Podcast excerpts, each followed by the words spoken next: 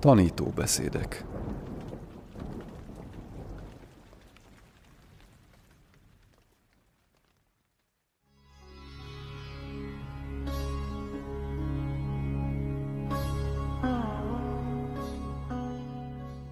Dzogchen. A nagy teljesség szívlényegisége. Őszentsége a Dalai Láma nyugaton adott tanításai. Első rész Az alap, az út és a gyümölcs. Párizs 1982 A körülmények. Őszentsége a Dalai Láma 1982 hideg, nedves októberében látogatott először Franciaországba. Tizenkét napig Párizsban, Strasbourgban, Toulouse-ban és Dinyében buddhista tanításokat és interjúkat adott, előkelőségekkel találkozott, valamint érintette a francia és tibeti kultúra minden kapcsolódási pontját, melyet az országba látogatásakor megtervezett. Franciaországban 1982-ben szorongó bizonytalanság volt az új szocialista kormányjal, terroristák párizsi támadásaival, a kenyér, a benzin és a közutazás árának emelésével kapcsolatban. Ez volt azonban az összes tibeti dolog iránt mélyen és komolyan érdeklődő Franciaország is, ezért őszentsége látogatására a tömeg izgatottsága volt a válasz. A Le Monde lapjain három cikk tudósította izgatottan az eseményt, zavartan fedezve fel meghökkentő és megnyerő személyiségét, a lefegyverzőt és a mindig örömtelit. A nyilvános párizsi megbeszélésén, melynek egyetemes szeretet és a világkrízis volt a címe, a hatalmas, lelkes tömeg nem fért be a terembe, százával rekedtek az utcán, lármás önfeledtséggel nyüzsögve, míg a rendőrség megkísérelte szétoszlatni őket. A Rikpa és Szögyár Rimpocse meghívására őszentsége a meghatalmazását a Párizs távoli, délkeleti részében fekvő Vincent pagodában tartotta. Ebben az egzotikus épületben rendezték meg a gyarmatosítási kiállítást 1931-ben, a régi francia gyarmatosítás ázsiai, afrikai és óceániai civilizáció erényének ünneplésére. A Kamerun és Togo pavilonokat törzsi kunyhóknak rendezték be, de a 60 négyzetméteres, 22 méter magas 180 ezer gesztenyeszínű cseréppel fedett tető sokkal ambiciózusabb volt, mint az eredeti modell. 40 évig erdőmúzeumként szolgált, ezután majd 1977-ig üres volt, mikor is Jean Saint-Denis, Franciaország előző kambodzsai követe elkérte Páristól egy nemzetközi intézménynek, hogy szórakozást biztosítson a Franciaországban élő összes buddhista etnikum számára. Pályázatot hirdettek egy nemzetközi, hatalmas buddha szobor elkészítésére, melyet a jugoszláv szobrász François Mosé nyert meg. Butháját a katalán, szürrealista festő Joan Miró műhelyében üvegszálakból készítette, 23 karátos aranyjal vonták be. Határozottan európai arca van.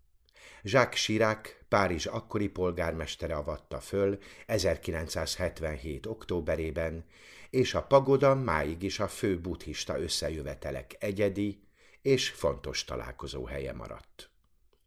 1982-től hosszú tanításokat és meghatalmazásokat adtak itt olyan mesterek, mint Kyabje Dujom Rinpoche, Kyabje Dilgo Khyentse Rinpoche és Kyabje Kalu Rinpoche. Október 7-én, csütörtökön, két órakor őszentsége meghatalmazására és tanítására ezrek gyűltek össze itt. Az ötödik dalai láma Őszentsége elmagyarázta, hogy a Padmasambava és nyolc megnyilvánulása meghatalmazást választotta ki, azt fogja adni, mely a nagy ötödik dalai láma Ngavang Lopsang Gyatso mély tiszta vízióinak ciklusából származik. Az ötödik dalai láma 1617-ben a Záhor királyi család leszármazottjaként született. Tibet történelmének egyik legdinamikusabb, legügyesebb és legbefolyásosabb alakja volt. A 17. századi közép-ázsiai zűrzavarból kiemelkedve 1642-től Tibet egész területét uralta, Ladaktól Techuanluig. Évekkel később Sun Chi császár meghívta, magával egyenrangúként kezelte, és az aranyba vésett császári kinyilvánítását Dalai Láma, vajratartó és tanítások mestere megszólítással adta át. Az ötödik Dalai Láma építette a Potalapalotát, és úttörője volt a Tibet spirituális és világi kormányzása kettős rendszerének. Az ő javára írható a nemzeti gyógyászati rendszer és a nevelési programok megszilárdítása. Termékeny író volt, a történelmi és önéletrajzi írásai korának történészei számára meghatározóak voltak. 66 éves korában, 1682-ben halt meg a Potalapalotában, Kurukulla a hatalommal és a vonzással kapcsolatos istenség meditációjában feloldódva. Ezt megvilágosodott tevékenysége hatalmának kedvező jeleként foghatjuk fel a jövőre vonatkozóan. Ngavang Lobsang Gyatso a Nyingma tanítások átadási vonalában is fontos szerepet tölt be. Benne van Dujom Rinpoche híres Nyingmapák története című művében is, a tertönök életrajzai között. Ez főleg a Gyacsen Nyernga 25 pecsétes tanítások tiszta vízió feltárására vonatkozó beszámoló. Az ötödik dalai lámát bizonyos termák megjósolták, és Trisong Decen király megvilágosodott tevékenysége kisugázásának tartják. Mély kapcsolatot érzett Guru Padmasambhava Nyingmapa hagyományával, s számos fontos Nyingmapa tanítója volt, mint Zurchen Chöying Randröl, Köntöl Paljról Lundrup és Terdák Linkpa, vagyis Minling Tercse Gyurme Dorcse főleg a Ridzing Gödem, északi kincsek hagyományvonalának mestereivel volt szoros kapcsolatban, akik gyakran megjelentek vízióiban. Önéletrajzában említi Pema Rigzint is, aki az első Dzogchen Rinpoche, akit a Kámi Dzogchen kolostor megalapítására ösztönzött, mondván róla, hogy a nyinktiket teljesen értő nagy Dzogchenpa. Dudjom Rinpoche azt írja. Sajátosan érdekes az a mód, ahogyan a Dalai Láma megkapta a mély tiszta vízióban foglalt tanításokat, melyeket előre megjósoltak a dicső Tashi Topgyál termáinak proféciái. Neked, a mostani fekete fejű faj királyának, az ötödik inkarnációnak tiszta törekvésed által feltárul a 25, az öt sajátos tudatkincsel. Valójában, mikor az ötödik dalai láma dicső számjéhoz érkezett, a számára kedvező körülmények megjelentek az aktuális termák feltárásához. Akkor azon a helyen és helyzetben azonban nem vette birtokba őket. Később, mikor ténylegesen megjelentek vízióiban a három gyökér istenségei, a proféciáknak és a kapott meghatalmazásoknak megfelelően leírta 25 részből álló tanítást Sangva Gyacsen, a titok pecsétjével ellátva címmel. A hozzáírt járulékos szóbeli magyarázatokkal együtt két kötetnyi anyag. Minden összegyűlt, magas megvalósítású lény megáldotta a meghatalmazásokat és útmutatásokat, főleg a régi iskola hagyományának hordozói, mint a darmában legteljesebb Terdák Linkpa és a Vigyadara Pema Trinlé. Ezek eredményeként messzire és széles körben elterjedt, hagyományvonala sértetlenül folytatódott napjainkig. Az ötödik dalai láma hat éves korában kezdte a víziók áramát tapasztalni, és ez majdnem egész életében szakadatlanul folytatódott. E víziók fel vannak jegyezve önéletrajzi írásaiban. A tűzmajom éve 1656. 7. hónapjában, 40 éves korában a Dalai Láma előkészítette a Padmasambhavának szánt tizedik napi felajánlásokat, egybegyűjtve a Nyángrál Nyima Özer, Guru Csöváng, Sangye Linkpa, Ratna Linkpa, Kukyong Likpa és Drangrós Szeráb Özer által feltárt Guru Padmasambhava kilenc termaábrázolását. Kicsit később a Namgyal Kolostor Egyetem szerzeteseivel gyakorolni kezdett, és víziói alakot öltöttek. Megjelent Guru Rinpoche, és meghatalmazást adott neki. Látta Padmasambhava nyolc megnyilvánulását a mandalán táncolva, akik azután beléolvadtak. Megjelent Jesecögyál, és a nagy guru elé vezette őt, ki palotájában tartózkodott nyolc megnyilvánulásával körülvéve. Ez a vízió volt azon meghatalmazás alapja, melyet őszentsége, a Dalai Láma Párizsban adott. Őszentsége is elmagyarázza bevezetőjében, hogy a Padmasambava és nyolc megnyilvánulása meghatalmazás Guru Szádana, Ladrup, a Sangva Gyacsen ciklusból. Első eset volt, hogy őszentsége ezt a meghatalmazást adta nyugaton, és ugyanezt megadta 1989-ben Kaliforniában is. A hetedik Dzogchen Rinpoche kérésére 1992. januárjában elkezdte a Sangvagyachen teljes ciklusa meghatalmazásának átadását, a dél-indiai kollegálban lévő új Dzogchen kolostor felavatása alkalmából. Kágyé és Dorje Drolő meghatalmazásokat adott, miközben elbűvölő személyes visszaemlékezést tett. Nagyon fiatal voltam, mikor megkaptam az ötödik dalai láma titkos vízióinak teljes tanítását.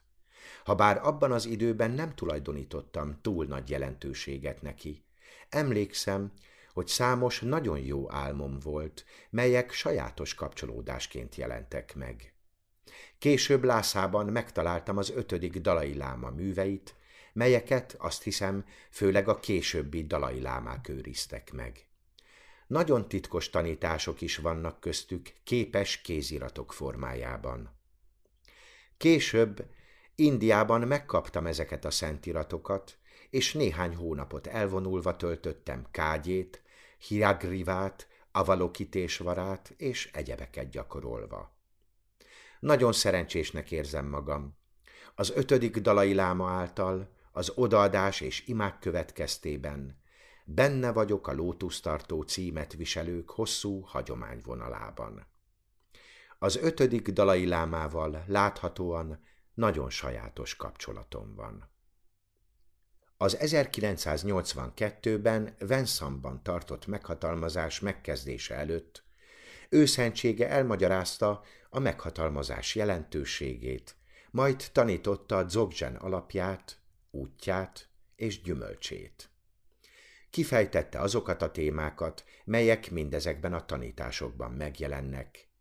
Az új fordítási iskolák legmagasabb jogatantrája és az ősi hagyomány iskolájának dzogcsenje szemléletében és gyakorlásában megjelenő hasonlóságokat, különbségeket és a végső azonosságot. Hangsúlyozta a rikpa tiszta tudatosságába bevezetés fontosságát, így egyféleképpen előkészítve az 1984-ben és 1989-ben tartott tanításait. Őszentsége pontosan Buddha hatalmas aranyszobra előtt ült, előtte a tömeggel teli pagoda és lámák a különböző buddhista hagyományokból. Nyosul Ken Rinpoche, Láma Jese, az FPMT alapítója, Dakpo Rinpoche, Taglung Centrul Pema Vangyal Rinpoche, Szögyár Rinpoche, Gesék és Lámák Franciaország összes központjából. Két nap múlva őszentsége visszatért a pagodába, rövid tanítást adva a buddhista közösségnek. Akkor az első sor közepén ült Jacques Chirac. Az ülés végén őszentséggel lehajolt, és halkan kérte őt, hogy soha se feledje gondját viselni Párizs népének.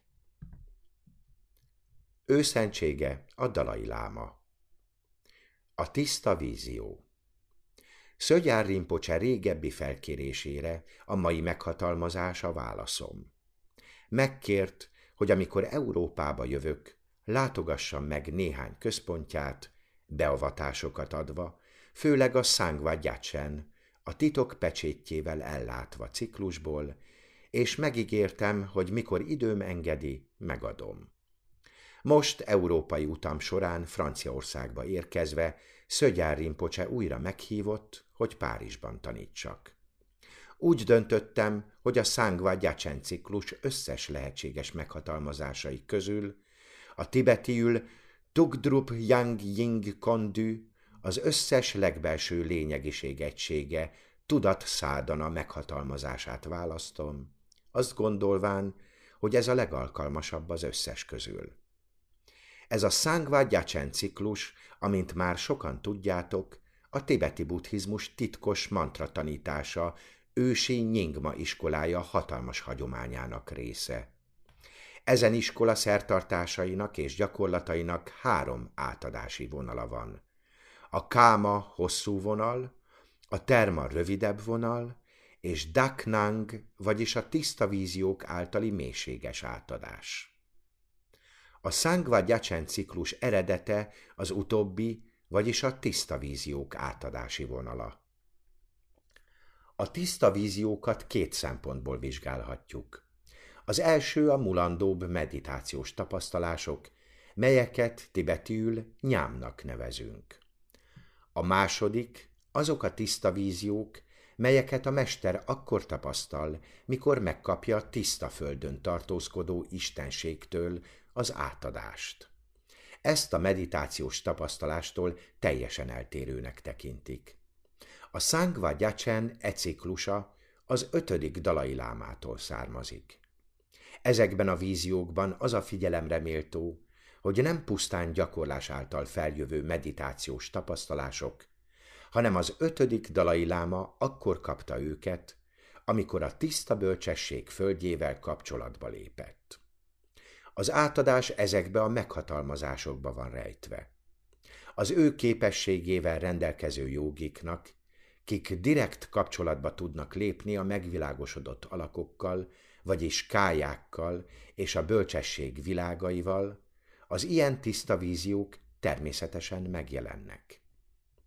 A nagy ötödik dalai láma esetében az előző életeire vonatkozó fogékonyságok nagyon fiatal korában megjelentek, és ez lehetővé tette számára számos tiszta vízió tapasztalását életében. Ezek legcsodálatosabbika a Szángva Gyacsen ciklusban található, melyet 25 részben fogalmazott meg, így foglalkozva a különböző víziókkal. Az ötödik dalai láma által tapasztalt víziók beszámolói megtalálhatók a titkos önéletrajzában. E 25 rész közül a fő a kágyéra, vagyis a nyolc útmutatásra helyezi a hangsúlyt, melyben az összes istenség egyetlen mandalában jelenik meg. Ezek az istenség meditációk külön-külön is gyakorolhatók.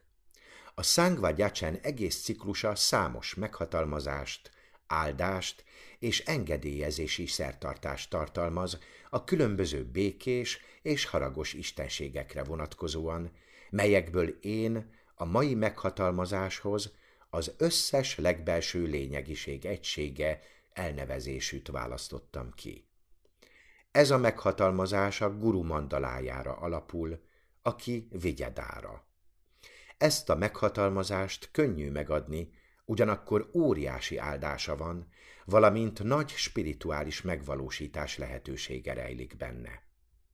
Általánosan mondhatjuk, hogy a nagyon mély tanítások gyakran hosszú időt igényelnek a tanítónak az átadáshoz, a tanítványnak a befogadáshoz. Ennek a meghatalmazásnak az előnye, hogy nagyon rövid és könnyű átadni, azonban a legmélyebb tanításokat tartalmazza. Habár ezt mondtam, tudom, hogy normális esetben három-négy órát tart a végrehajtása, ha van időnk. Ma délután pusztán egy óránk van, tehát gyorsabban végighaladunk rajta, mint ahogy általában szokás. Én Taktra Rimpocsétől kaptam meg ezt a csodálatos szángvagyácsen átadást. Az általam ebből a ciklusból gyakorolt fő szádana kapcsolatban van a KG nyolc istenségét egyesítő mandalával. Gyakoroltam más különböző hosszúságú gyakorlatokat is, mint a Vajra Kilaja, Hiagagriva és Avalokitésvara. Ha a Nyingma hagyomány tanítássziklusába kaptál átadást, általában az a megfelelő, ha elvonulva a ciklus három gyökerének minden istenségével gyakorolsz. Miután tanítomtól megkaptam ezeket a meghatalmazásokat, megadta az engedélyt is, hogy mások hasznára átadhassam. Továbbá megmagyarázta, hogy a KG gyakorlása az egész Sangvajacsen 25 részének fő fókuszában van, és így az a minimális követelmény, hogy a vajramester végezzen teljes elvonulást ezzel a sajátos gyakorlattal, és akkor meghatalmazást adhat másoknak is. Mivel nekem nem volt lehetőségem, hogy egy ciklus többi részének minden gyakorlatát elvégezzem, elvégeztem a kagyé részt, és így módonban áll megadni a szángvagyácsen meghatalmazást. A meghatalmazás jelentése A meghatalmazásra általában a vang kifejezést használjuk. Mit is jelent ez? Kezdjük az alaptermészetünkkel, amit buddha természetnek, vagyis Tathagata Gárbának nevezünk, a tudatunk igaz természete, mely a bennünk jelenlévő természetes sajátosság. E tudatunk, a kezünkben lévő alany, kezdettelen idők óta létezik, tehát tudatunk legfinomabb természete. Tudatunk finom természetének folytonosságára alapozva képesek vagyunk a megvilágosodás elérésére. Ezt a lehetőséget nevezhetjük a megvilágosodás magjának, buddha természetnek, alaptermészetnek, vagy Tathagata gárbának. Mindenkiben megvan ez a buddha természet, mindegyikünkben. Az itt lévő buthát ábrázoló gyönyörű szoborral például tiszteletünket fejezzük ki valaki iránt, aki elérte a buthaság állapotát. Felébredt a megvilágosodás állapotába, mert butha természete volt. Velünk is így van, és ahogy Butha elérte a múltban a megvilágosodást, mi is buthák lehetünk a jövőben. Mikor valamikor a jövőben elérjük a buthaság állapotát, tudatosságunk finom folytonossága felébred a darmakájának nevezett minden tudás állapotába. Ekkora tudat természete a svábavikakája. A svábavikakája egyik aspektusa az a tény, hogy valódi természetétől fogva teljesen tiszta, ez a teljes és természetes tisztaság. A svábavi kakája másik aspektusa az a tény, hogy az esetleges elhomályosulások eltávolodnak, és már nem homályosítják el a tudat igaz természetét, tehát az esetleges elhomályosulások megtisztulnak. Mindenképpen bennünk van az összes lehetőség a buthaság állapotába ébredéshez és a mindentudás eléréséhez. A meghatalmazás folyamata felszínre hozza ezt a potencialitást, lehetővé téve, hogy önmagát teljesebben megnyilvánítsa. Mikor meghatalmazást kapsz, a tudatot természete, a buddha természet szolgál alapul, hogy a meghatalmazás beérhessen benned. A meghatalmazás által felhatalmazást kapsz a buthák öt családjának lényegiségébe. Benned főleg az a sajátos család érik be, melyre fogékonyabb vagy a buthaság elérése érdekében.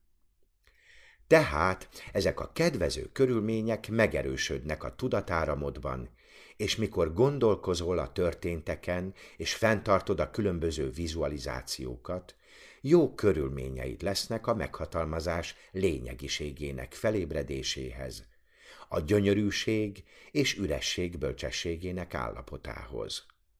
Ez egy nagyon sajátos állapot, az alaptér és tudatosság elválaszthatatlansága. Így odaadással fókuszálva lehetővé válik, hogy a tudat e sajátos minősége, az itt lévő új képesség felébredjen. Ennek támogatására három körülmény van.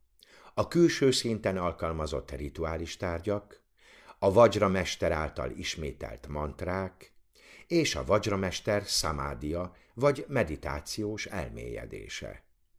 Mikor e három tényező együtt van, létrehozzák azt az alapot, melyre a tudat fókuszálni tud és beérik. E három tényező ilyen fontosságának megértéséhez meg kell őket kisé közelebbről vizsgálnunk.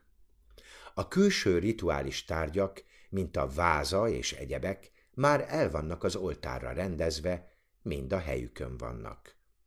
A mantrákkal kapcsolatban, ha bár tiszta szanszkrit nyelven nem tudom kiolvasni mindet, megpróbálom a legjobban olvasni és recitálni őket. A meghatalmazás megkapásának legfontosabb része a meditációs elmélyedés.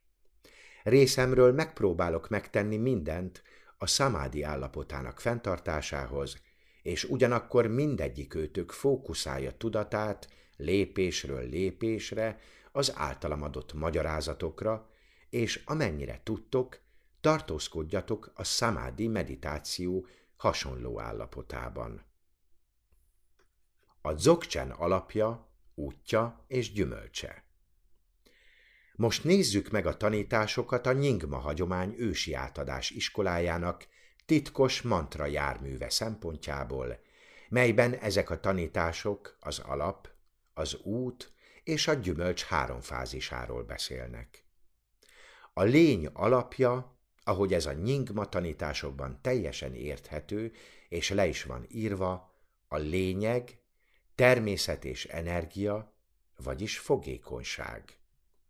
A nyingma iskolában főleg az első két aspektus által határozzák meg az útat, vagyis a lényeg, az eredendő tisztaság, a kádák és természete a spontán jelenlét, a lundrup. Nagarjuna a középső út alapvető kincse, melyet bölcsességnek neveznek, című művében áll. A buddhák által tanított dharma teljesen az igazság két szintjére épül. Az igazság világi konvencionális szintjére, és az igazság végső szintjére. Minden megismerhető, minden külső jelenség, valamint az egyén tudatában és testében lévő minden jelenség, benne van a két igazság e két szintjében, a konvencionálisban és a végsőben. A dzogchen összefüggésben a magyarázatot az eredendő tisztaság és spontán jelenlét kifejezésekkel adják meg, és erre analógia a szentiratokból. Magában a tudatban van a világban élő lények mirjádnyi alakja, és az őket tartalmazó világ is. Mondhatjuk tehát, hogy a szamszára és nirvána létrejöttért felelős közeg a tudat. A tíz alapszútrája kimondja, hogy a három világ pusztán a tudat.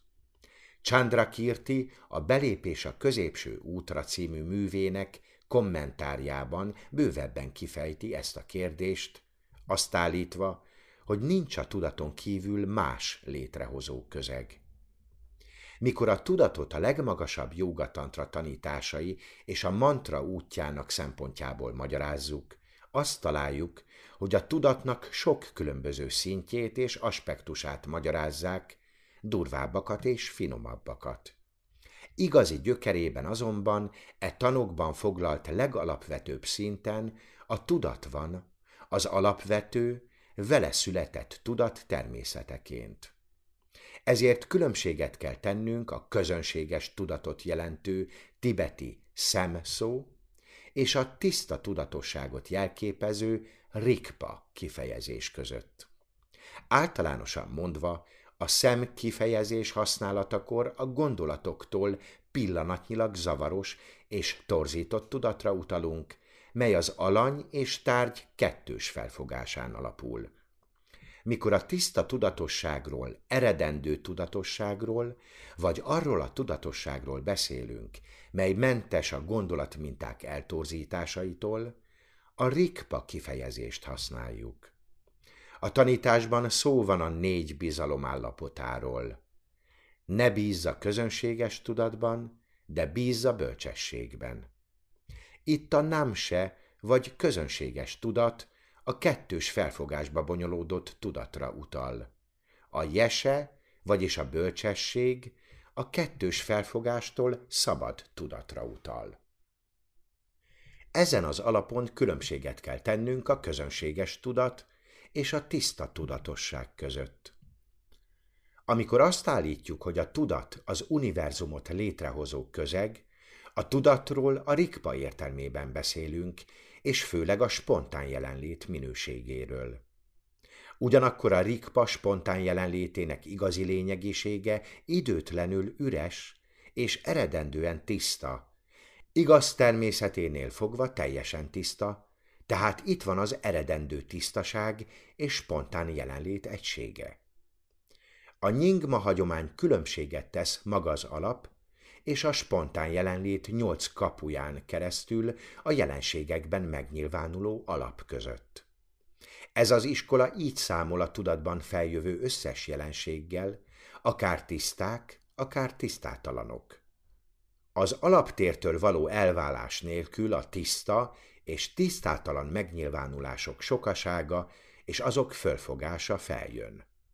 A nyingma iskola szempontjából ez a helyzet az alappal kapcsolatban.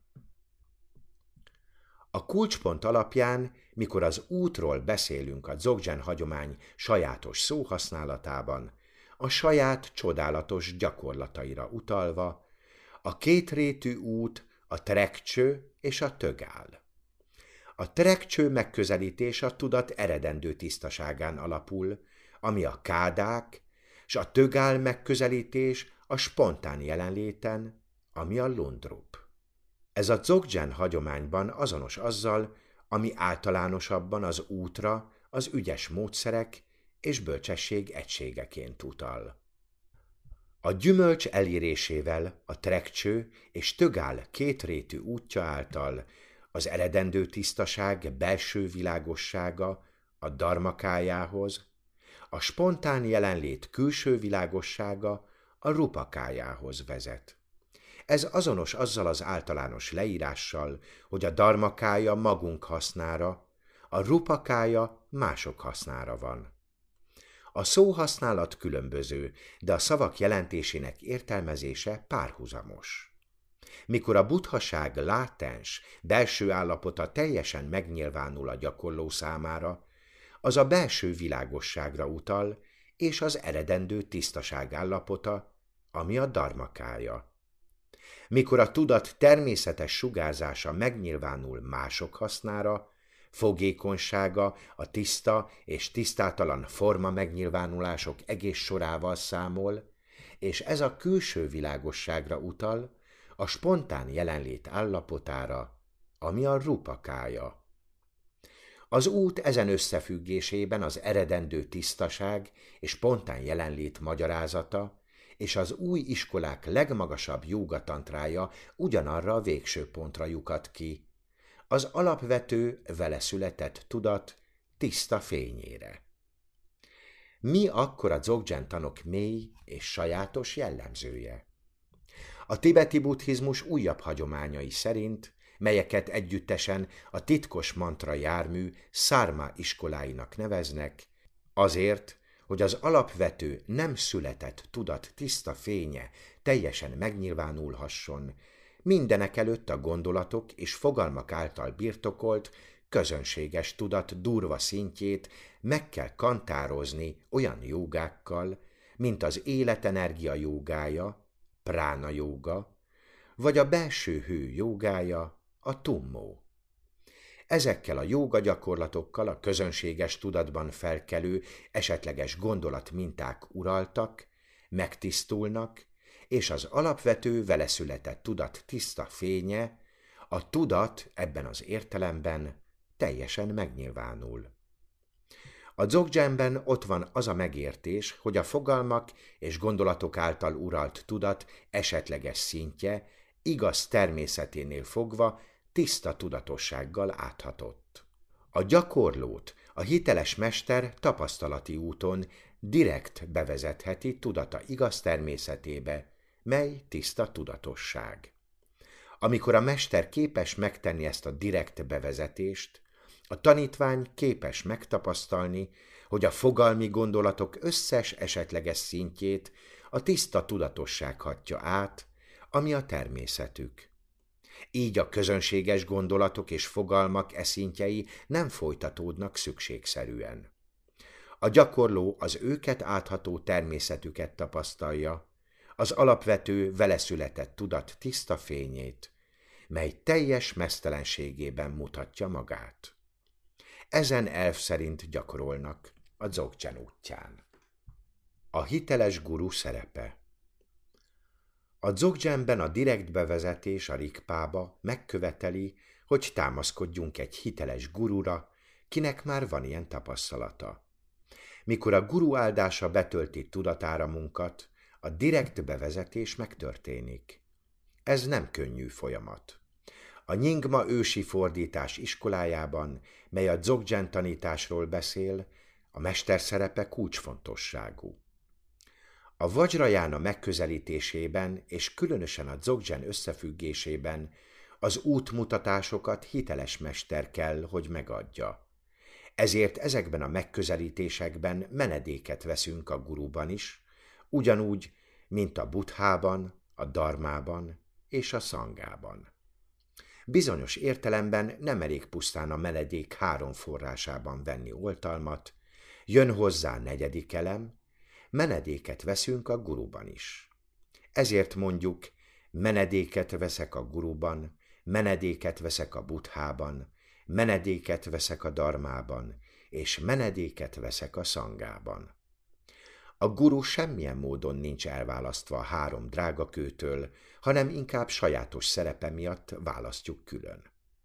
Egyik német barátom azt mondta nekem, ti tibetiek láthatóan a gurut buthánál is magasabbra tartjátok. Meglepődött. Ez helytelen megértés. A gurut nem választhatjuk el semmilyen módon a három drágakőtől, hanem mivel a gyakorlásunkban és tanulásunkban a gurunkhoz való viszonyunknak kult szerepe van, a gurut nagyon fontosnak tartjuk.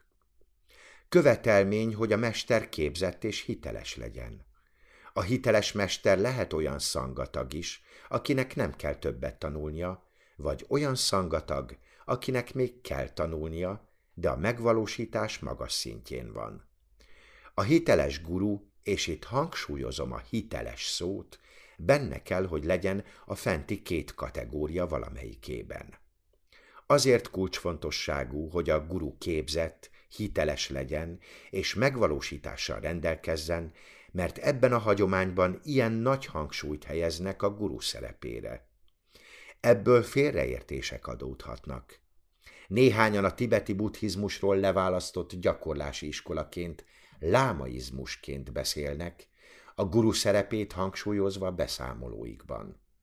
Tényleges valóság, hogy a mesterléte fontos, valamint képzett és hiteles kell, hogy legyen.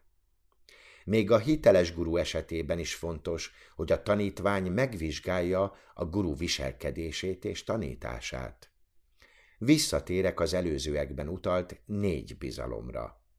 Ezek a következő utasítások. Ne a személyben bíz, hanem a tanításban. A tanítás alatt ne bíz pusztán a szavakban, hanem a bennük rejlő jelentésben.